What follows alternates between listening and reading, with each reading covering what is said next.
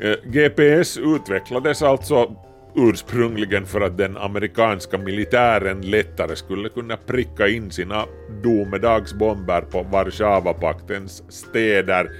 Men lyckligtvis har de civila, fredliga tillämpningarna kommit att dominera. Hoppas att det förblir på det viset. 10, 9, 8, ignition sequence start, 5, 4, 3, two, one, zero. Quantum leap.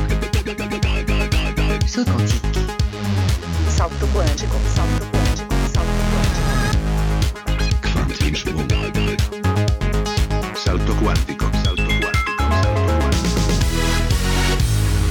salto det du inte visste att du ville veta. Visa mig en man som vet exakt var han är, så ska jag visa dig en man som kommer att erövra världen. Vem sa så?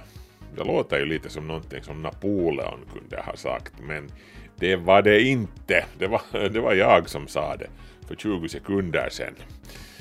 Det är hur som helst sant. Att veta var du är har ända sedan tidernas gryning varit den viktigaste biten av information som du överhuvudtaget kan sitta inne med. Och inte bara för generaler och soldater heller för den delen. Också för civilt folk. Eh, för handelsmän. Jag menar, på upptäcktsresornas och de ostindiska handelskompaniernas tid var det den som bäst kunde bestämma sin position till sjöss som tog hem de största vinsterna. Och det här har bara blivit viktigare med tiden. Vi lever i en värld som är fullkomligt besatt av att kunna bestämma sin position på en meter eller till och med en millimeter när. Därför har vi satellitnavigering, GPS. Ryssarna de har sitt eget system, GLONASS. Europa har också en egen version för övrigt, Galileo. Och kineserna, jo de har också sitt system, Beidou kallar de det. För ingen vill ju vara beroende av fiendens satelliter och, och signaler. Det är om det här som Kvanthopp handlar den här veckan, om vårt moderna samhälles besatthet av exakta positionsbestämningar om hur det påverkar samhällets alla nivåer, från flygplanens navigering till banktjänsterna. Och om hur sårbart det systemet är när någon vill oss illa.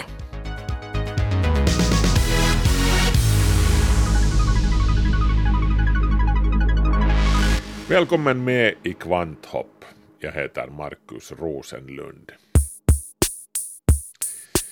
När jag var 19 år extra knäckte jag som bilbud på ett datorföretag i Esbo.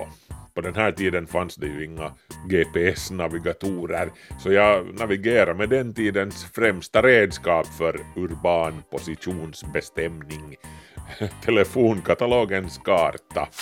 Har ni hört om den?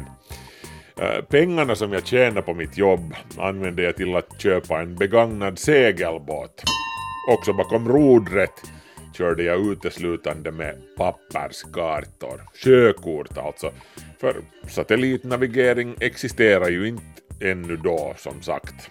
Eh, det här var alltså, väntas nu, våren 1990.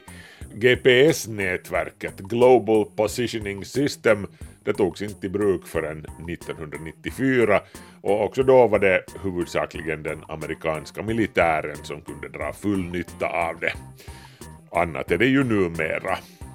Men hej, innan vi går in på satellitnavigeringen och dess alla finesser, låt oss göra en liten tillbakablick.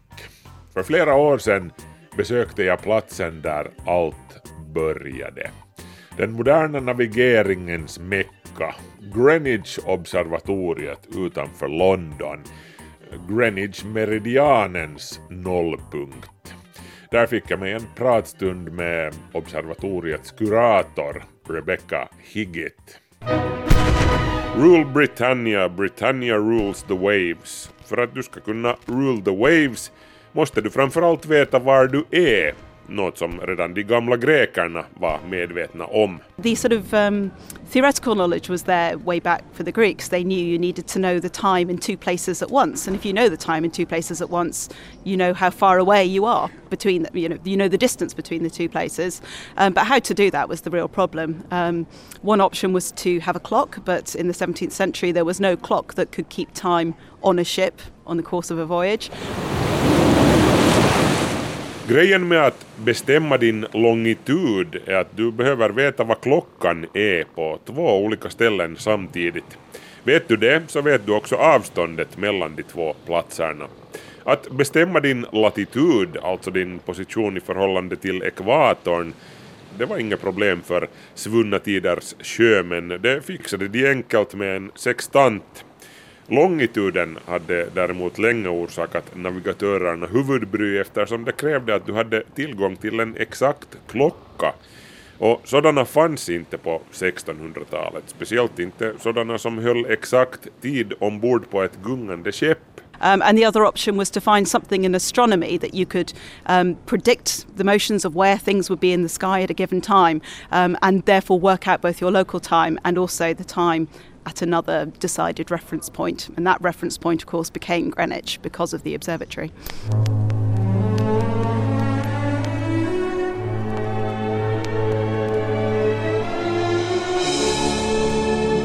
I brist på exakta klockor fick man ty sig till astronomin. Om du kunde räkna ut exakt var på himlen till exempel en planet eller månen skulle befinna sig på en viss tidpunkt kunde du i princip slå fast klockslaget där du befann dig och på en förhand bestämd andra referenspunkt.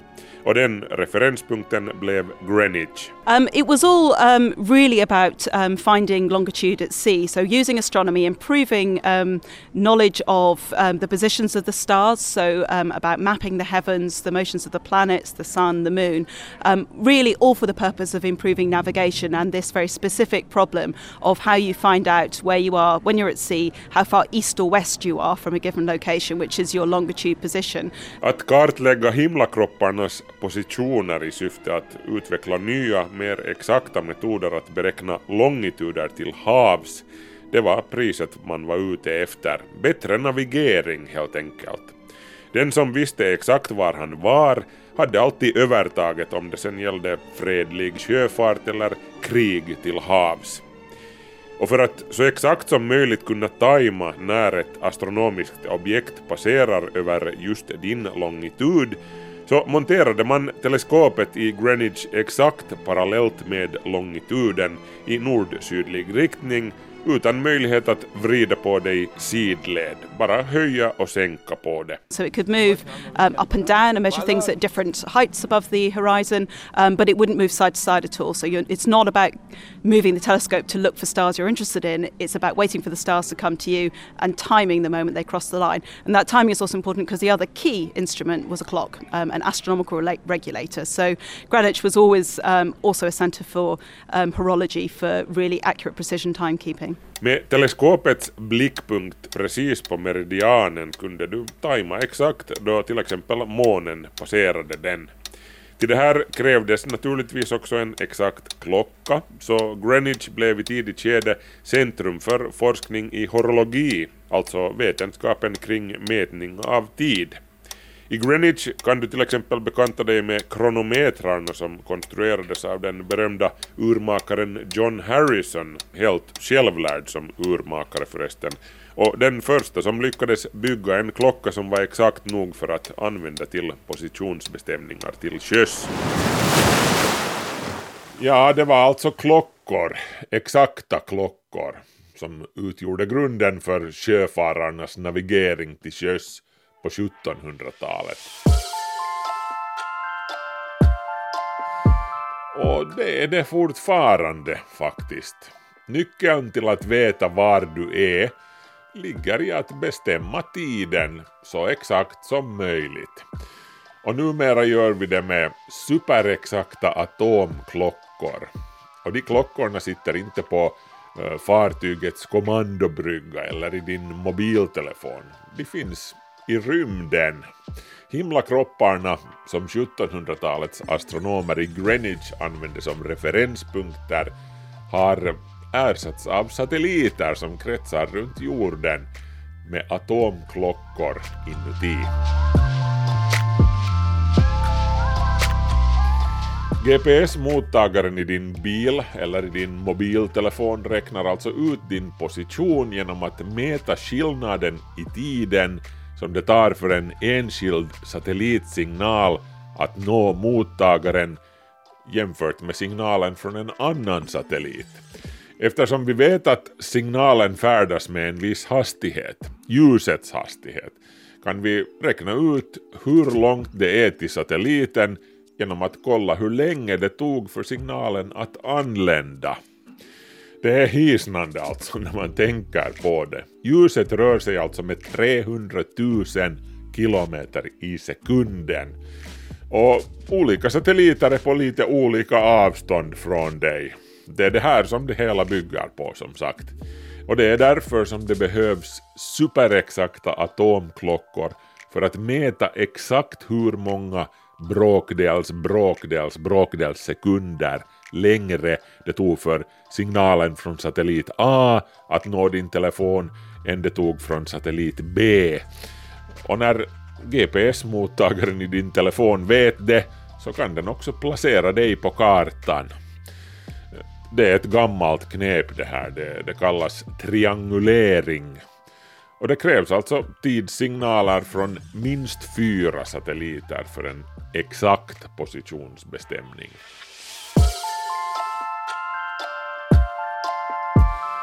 Och jag sammanfattar vad de här satelliterna gör. Eh, GPS-satelliterna skickar alltså kontinuerligt ut information om A. Exakt tid och datum i kodad form. Eh, uh, GPS-systemet bygger alltså uttryckligen på att tidssignalen som en enskild satellit sänder ut är oerhört exakt. För att åstadkomma det här har varje satellit inte mindre än fyra atomklockor ombord. En som används och tre i reserv. Sen sänder satelliterna också ut sin identitet, alltså vilken satellit det är som sänder, och uppgifter om var satelliten befinner sig vid varje given tidpunkt. När det kommer till det här med att mäta tiden så, så gör alltså en atomklocka eller ett atomur det genom att utgår från vibrationerna hos atomer som till exempel cesium 133. De här svängningarna som atomerna har för sig, de har en konstant frekvens och kan avläsas mycket noggrant. Atomuret i en GPS-satellit är så exakt att den kastar i princip med sådär en sekund per 30 miljoner år. Och det här är inte ens bland det mest exakta, det finns mycket mera exakta atomklockor i, i laboratorier här nere på jorden. Eh, förutom exakt tid kräver satellitnavigeringen alltså också att man känner till satellitens exakta position. Det här sker genom att satelliten hela tiden kontinuerligt beräknar sin position i omloppsbanan. Eh, den här positionen rekalibreras dessutom från markstationer. GPS-systemet har sina markstationer i Hawaii, Colorado Springs, Ascension, ön Diego Garcia i Indiska oceanen och på Marshallöarna i, i Stilla havet.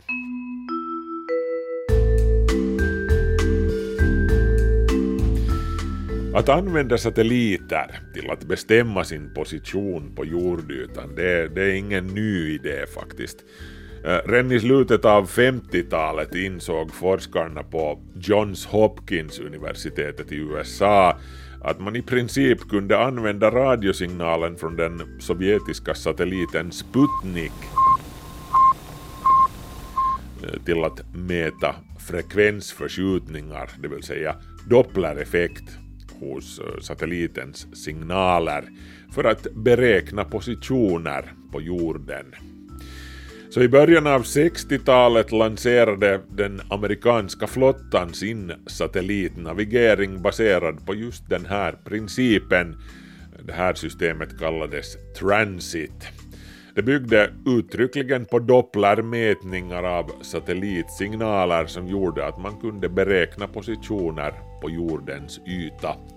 Transit-systemet utvecklades ursprungligen i syfte att uh, användas för den amerikanska flottans ubåtar så att de skulle kunna bestämma sin position sen då det var dags att stiga till ytan och avfyra sina Polaris-missiler som bringade domedagen.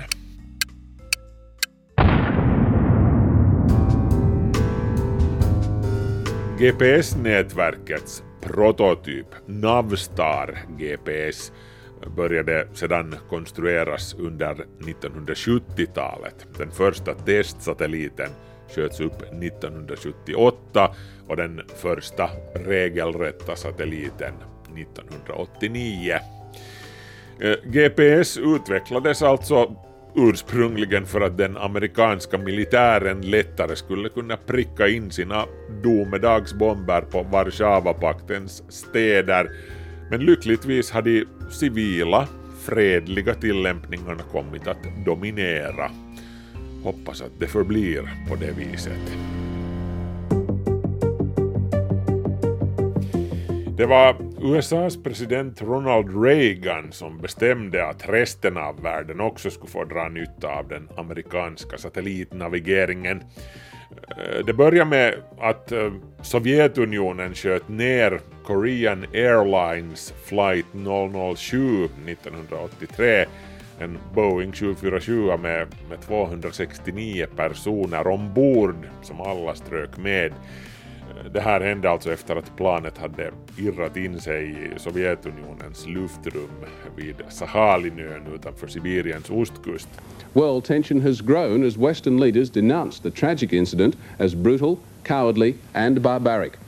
The United Nations Security Council is expected to meet tomorrow morning. Och så här kan vi ju inte ha det, konstaterade Ronald Reagan som anade möjligheten till att plocka lite goodwill-poäng där säkert. Så han skrev på ett direktiv som öppnade GPS för civilt bruk för också den övriga världen när det väl hade utvecklats tillräckligt, det vill säga. Och det här skedde i maj 1994 när det fanns 24 satelliter i, i sex olika banplan runt jorden. Året därpå stängdes det gamla satellitnavigeringssystemet Transit ned.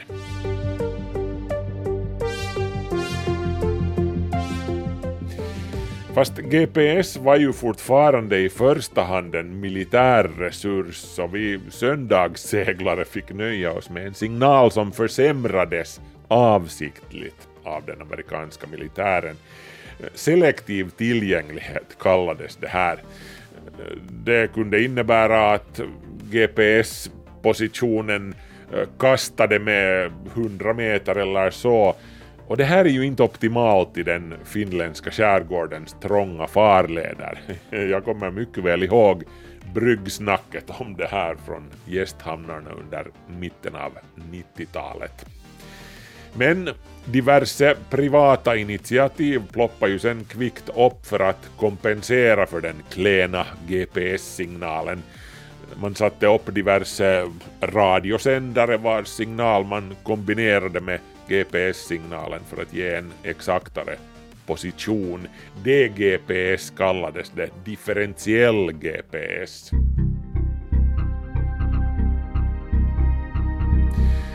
Så jänkarna konstaterar sen i något skede att äh, låt gå, ni kan få den prima varan. Och den första maj 2000 undertecknade president Bill Clinton direktivet som stängde av den så kallade selektiva tillgängligheten. Så nu fick vi civila seglare nästan samma precision som de amerikanska generalerna. Och det här var alltså ingen liten tjänst faktiskt. Det, det kostar amerikanerna någonting i stil med 5 miljarder dollar om året för att uppehålla GPS-systemet. Så det tackar vi för. No jo, men i och för sig, amerikanerna har ju en hel massa nytta av GPS-nätverket, så de, de tjänar ju nog pengar på det, så det är inte bara utgifter det handlar om.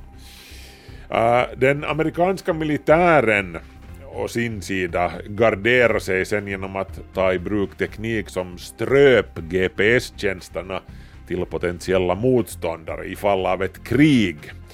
Ursäkta, en, en militär specialoperation heter det visst numera.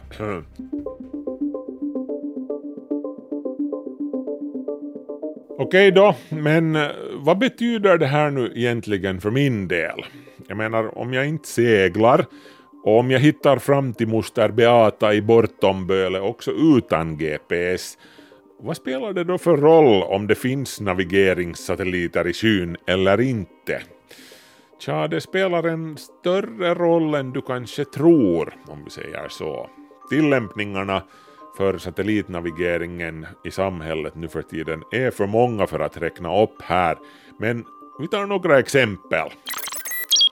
Uh, mobiltelefonnätverket skulle inte funka utan GPS. Uh, eh, nätverket behöver veta var din telefon är så att den kan koppla upp dig på närmaste basstation.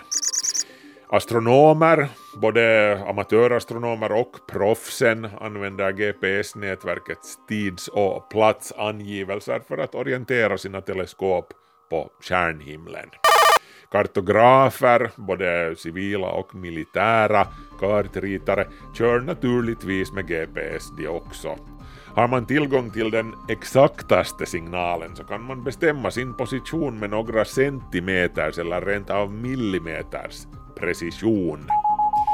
Räddningsverken världen över utnyttjar GPS när de åker ut på uppdrag. Eh, satellitnavigeringen är såklart också superviktig i räddningsarbetet efter naturkatastrofer och motsvarande. Gruvbolagen de använder GPS när de borrar, när de spårar sina fordon och för sitt lantmäteri också förstås. Återigen en positioneringsnoggrannhet på centimeternivå är inte fy skam i de här sammanhangen. Samma sak gäller de självkörande bilarna som blir allt vanligare.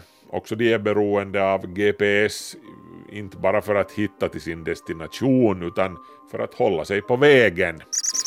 Och bankerna är beroende av GPS-signalen för att notera tidpunkten för penningtransaktioner. Och ja, no, sen förstås det kanske mest uppenbara av allt, navigering, både till lands och till sjöss. Sjöfartens behov av att kunna bestämma fartygens positioner har inte försvunnit någonstans. Uh, var det ännu någonting här? Uh, no, ja, no, som fotograf kan jag ju konstatera att det är ganska praktiskt att min kamera automatiskt noterar exakt var jag befann mig när jag tog en viss bild. Och min 12-åriga son skulle inte kunna spela Pokémon Go utan GPS-navigatorn i hans telefon. Eller uh, spelar någon ännu Pokémon Go?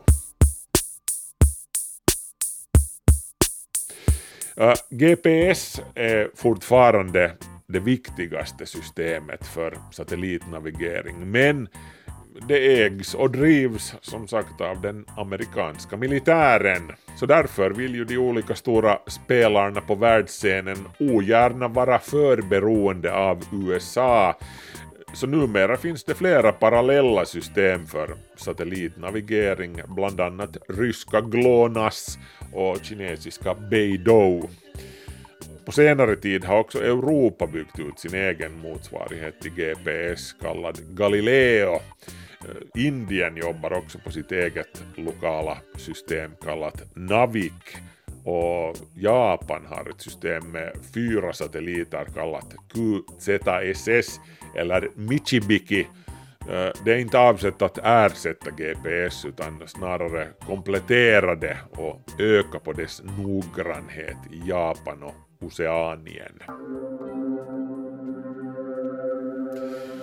Helt nu på sistone har satellitnavigeringen igen varit på tapeten i och med den ryska invasionen av Ukraina Nyheterna har rapporterat om störningar i GPS-signalen hos flygplan som har rört sig nära Finlands östra gräns och, och annorstädes också, nära Kaliningrad bland annat. Det här är allmänt tolkat som att ryssarna antingen av taktiska skäl eller av ren och skär illvilja stör GPS-signalen. Det faller väl i så fall under eh, rubriken hybridkrigföring. Eh, det är hur som helst ett faktum att satellitnavigeringen är sårbar för avsiktliga störningar. Det är inte ens värst svårt att rodda med GPS-signalen, åtminstone lokalt. Det lär finnas prylar att köpa för det ändamålet på webbens mera ljusskygga sidor. Eh, de är inte ens dyra och drivs ofta med vanliga ficklampsbatterier. Eh, det hela bygger på att GPS-signalen, eller GLONASS-signalen, eller Galileo-signalen för den delen, är väldigt svag satelliterna de, de kretsar ju kring jorden på 20 000 kilometers höjd över markytan.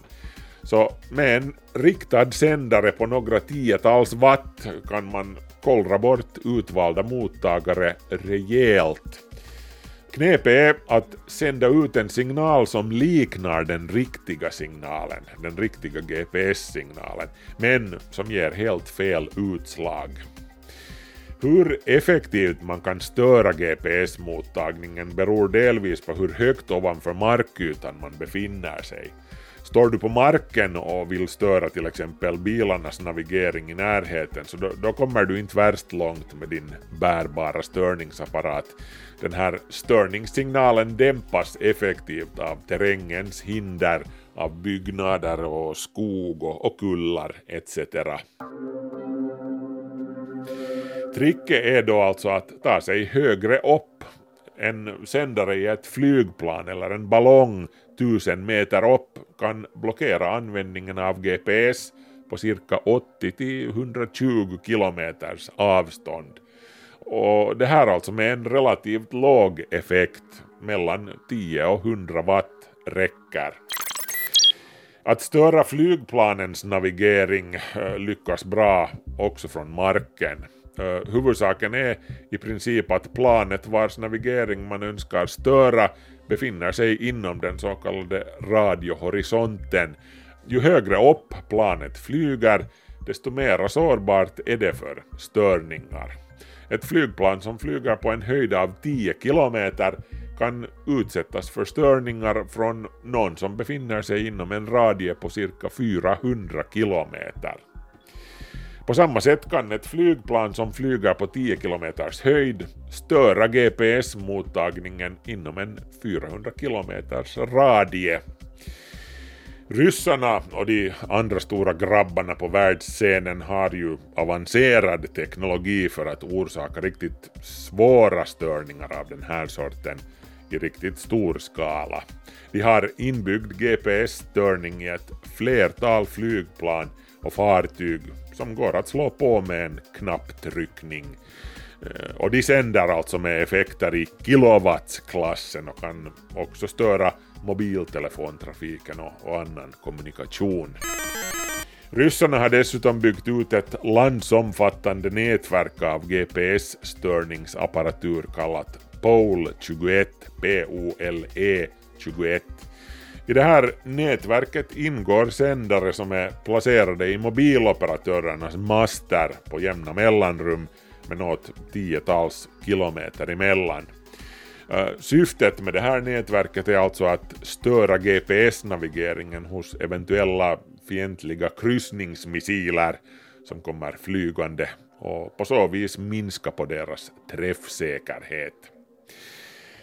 Vår egen försvarsmakt är naturligtvis medveten om, om allt det här som jag har nämnt här och de har också färdiga strategier för att kunna idka ett aktivt försvar också ifall att en utomstående aktör, hmm, vem månne det kan vara, eh, stör satellitnavigeringen här i Finland. Eh, vår försvarsmakt övar sig för övrigt också rutinmässigt i att vid behov störa en anfallande fiendes navigeringssignal. Också räddningstjänsten och, och samhällets strategiska civila funktioner har beredskap för att vid behov kunna fungera också i lägen där satellitnavigeringen, mobilnätet eller myndigheternas radionät Virve är utslagna. Eh, dylikt eh, avsiktligt störande av sådana nätverk är ju en del av den moderna så kallade hybridpåverkan, dessvärre. Planes landing at Ben Gurion International Airport recently reported issues regarding their GPS systems, and Israel argues that Russian military activity in Syria is to blame. Jonathan Regev and Hannah Rifler. Men allt det här är ju sånt som man sällan talar högt om eller skriver om i tidningen av förståeliga skäl. Det betyder dock inte att samhället är helt försvarslöst mot det eller att Försvarsmakten inte skulle göra någonting åt saken. Också själva satellitnavigeringen, GPS och, och motsvarande, har ett visst mått av inbyggd robusthet mot störningar, framförallt i krigssituationer. De hemliga militärt reserverade systemen för satellitpositionering är säkrare än de civila varianterna och svårare att knäcka i dem blandas till exempel signalen mera effektivt upp med bakgrundsbruset och, och kodnycklarna som behövs för att låsa upp den här krypteringen distribueras bara till utvalda användare. Den här sortens krypterade signaler kunde man ju sen tänka sig att Finland kunde få inom citat låna exempelvis av NATO om det började smälla i knutarna. Jo, hur som helst så önskar man ju att GPS och annan satellitnavigering kunde fortsätta vara någonting som man associerar med segling och avslappnade bilturer på landet eller letande efter något café eller något museum i Paris eller någonting sånt. Jag hoppas faktiskt att jag själv får tillfälle att tappa bort mig i Kiev en vacker dag eh, medan jag letar efter någon turistattraktion. Jag lyckas alltid med sånt, navigator eller inte. det är helt hopplöst. Uh, och, och, sen vill jag ju också gärna rekommendera åt alla att öva sig i att navigera med hederliga gammaldags papperskartor, både till lands och till sjöss. Så, sådär som vi gjorde när pappa var ung. Hälsningar till mina två pojkar bara, som aldrig har levt i en värld utan satellitnavigering. Åtminstone inte ännu.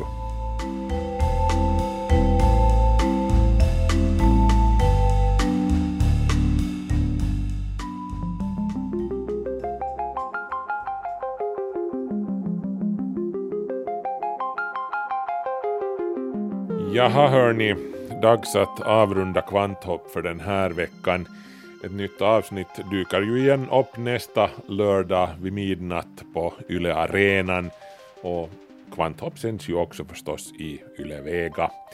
Vill du skriva till oss så går det bra via adressen kvanthopp.yle.fi eller så går du in på Kvanthopps Facebook-sida och kontaktar oss den vägen. Markus Rosenlund så heter jag som nu tackar för sällskapet och säger ha det bra, sköt om er, hej då.